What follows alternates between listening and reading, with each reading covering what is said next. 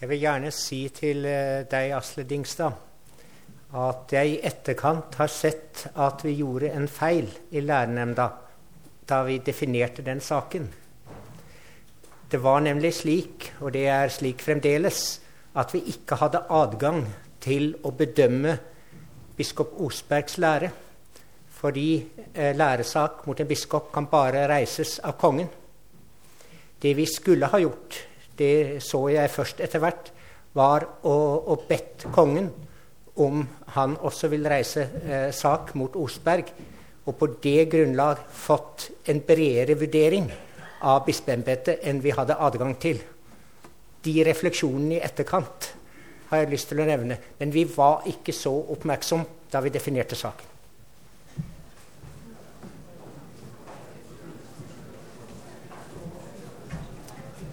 Da Birger Løvli får ordet, og så Olav Grimdalen. Og da må vi sette strek nå, og så tar vi pause.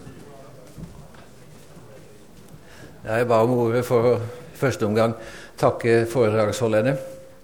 Og samtidig uttrykke at uh, for mange av oss så er noe av argumentasjonen her faktisk ikke blitt overbevisende. Uh, man tenker veldig ofte slik, slik jeg får inntrykk av, at først så må vi entydig definere noe som vranglære, og så kan vi snakke om kirkesplittelse. Kan man ikke faktisk tenke seg at det er motsatt? Slik Augustin i sin tid sa en vranglære er en kirkesplittelse som er blitt gammel. Her.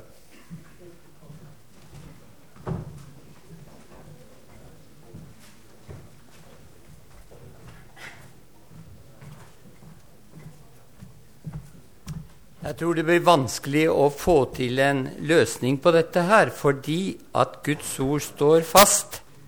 Det kommer ikke noe ny Det er ikke noe B-modell. Det er kun én versjon, og den passer Jesus på.